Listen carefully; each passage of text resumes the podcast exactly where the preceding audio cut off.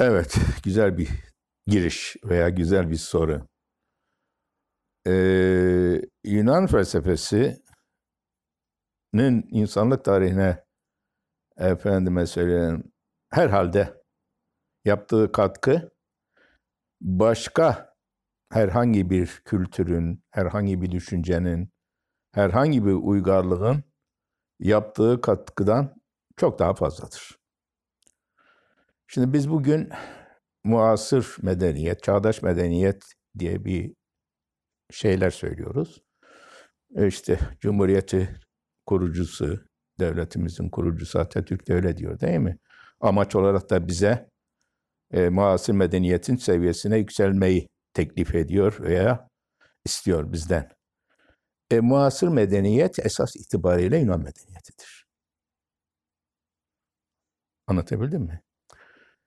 E, ha şu, şu dünyada başka medeniyetlerde var mıdır? Mutlaka vardır. Yani felsefe tarihçileri veya medeniyet tarihçileri veya tarih felsefecileri işte Toynbee'sinden efendime söyleyelim e, Hegel'ine kadar birçok medeniyeti sayıyorlar. Haklılar da. Fakat benim görüşüm, benim de şahsi görüşüm e, bir, bugün artık aşağı yukarı tek bir medeniyetin olduğu yönündedir. Bugün. Geçmişte birbirinden çok farklı Çin medeniyeti, Hint medeniyeti, işte Asur medeniyeti, Roma medeniyeti, Osmanlı medeniyeti olmuş olabilir. Ama bugün artık dünya o kadar küçüldü ki insanlar ve topluluklar birbirleriyle o kadar yakın ve sıkı temas içindeler ki. Dolayısıyla bugün herkes herkesten ve herkes bazı yüksek medeniyetlerden veya onların kavram ve kurumlarından o kadar çok etkileniyor ki dolayısıyla zaman içerisinde yavaş yavaş artık tek bir medeniyetin en azından birçok kültür ama tek bir medeniyetin hakim olduğu bir yere doğru gideceğiz.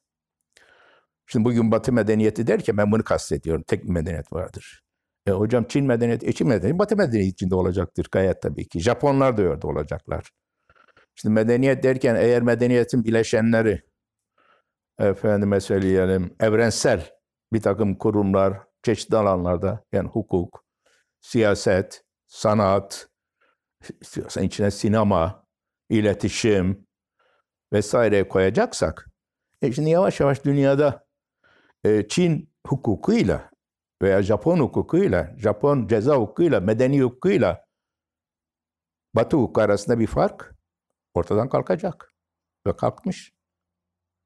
Veya Batı demokrasisiyle öyle diyelim, e, Doğu demokrasisi aynı şekilde birbirinden temel temel değerlerinde, temel kurumlarında, e, temel ilkelerinde uyuşmak zorunda. Bütün bu lafları söylememin nedeni şu. Bu medeniyetin temelinde Batı medeniyeti yavaş yavaş bütün dünya medeniyeti haline gelmiştir. Benim düşüncem budur. Veya gelecektir. Hatta belki de gelmelidir. Biraz da onu da söyleyeyim. E, Batı medeniyetinin temelinde ne vardı derseniz esas itibariyle de Yunan medeniyeti vardır. Yani Yunan medeniyetinin temel kavram ve kurumları vardır. E nedir burada? Bir, akılcılık. İki bilim. Üç, doğa. Dört, yasa. Beş, sanat. Altı, spor. Yedi, müzik. Teker teker saymama gerek yok. Ee, galiba konuyu zaten üzerinde konuşmaya başlarsam saatlerce de konuşabilirim. Ee, başka medeniyetlerde olmuş olabilir. Geçmişte, doğuda, batıda vardır. Hatta bunların içerisinde İslam medeniyeti diyebiliriz, Hint medeniyeti, Çin medeniyeti diyebiliriz. Hiç itirazım yok. Belki Amerika söz konusu olduğu zaman Aztek medeniyeti, İnka medeniyeti ki kullanılıyor da. Ama artık Batı medeniyetidir şu anda kavram. Ve bu arada yeri gelmişken bir şey de söyleyeyim sana veya size. Ee, Batı medeniyeti artık Hristiyan medeniyeti de değildir. Şimdi yeri gelmişken söyleyeyim. Hani biz Batı medeniyeti deyince veya biçimimizde bir kısmı Batı medeniyetinin temelde bir Hristiyan medeniyeti olduğunu düşünerek veya söyleyerek veya ne diyelim buna dayanarak ona karşı olumsuz bir takım e, tutumlar ve duygular yaratmaya çalışıyorlar. Batı medeniyeti artık Hristiyan medeniyeti değildir. Hocam olur mu öyle şey? Batı medeniyetinin geçmişinde Hristiyan medeniyetinden kalan, gelen, şimdi de belli ölçüde yaşayan şeyler vardır. Hiç şüphesiz. Ama artık Batı medeniyeti Hristiyan medeniyeti değildir diyorum. Dikkat edin ikisi birbirinden farklıdır.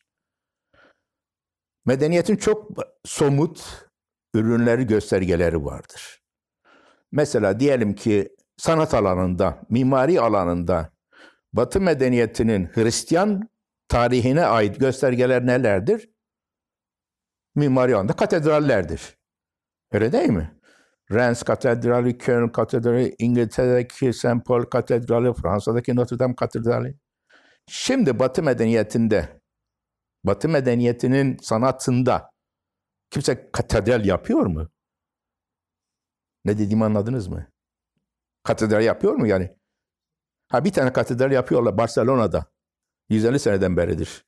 Ama artık o Hristiyan katedral olarak değil. O bir gösteri, bir meydan okuma olarak yapılıyor. Bütün dünyaya, bilmem anlatabildim mi?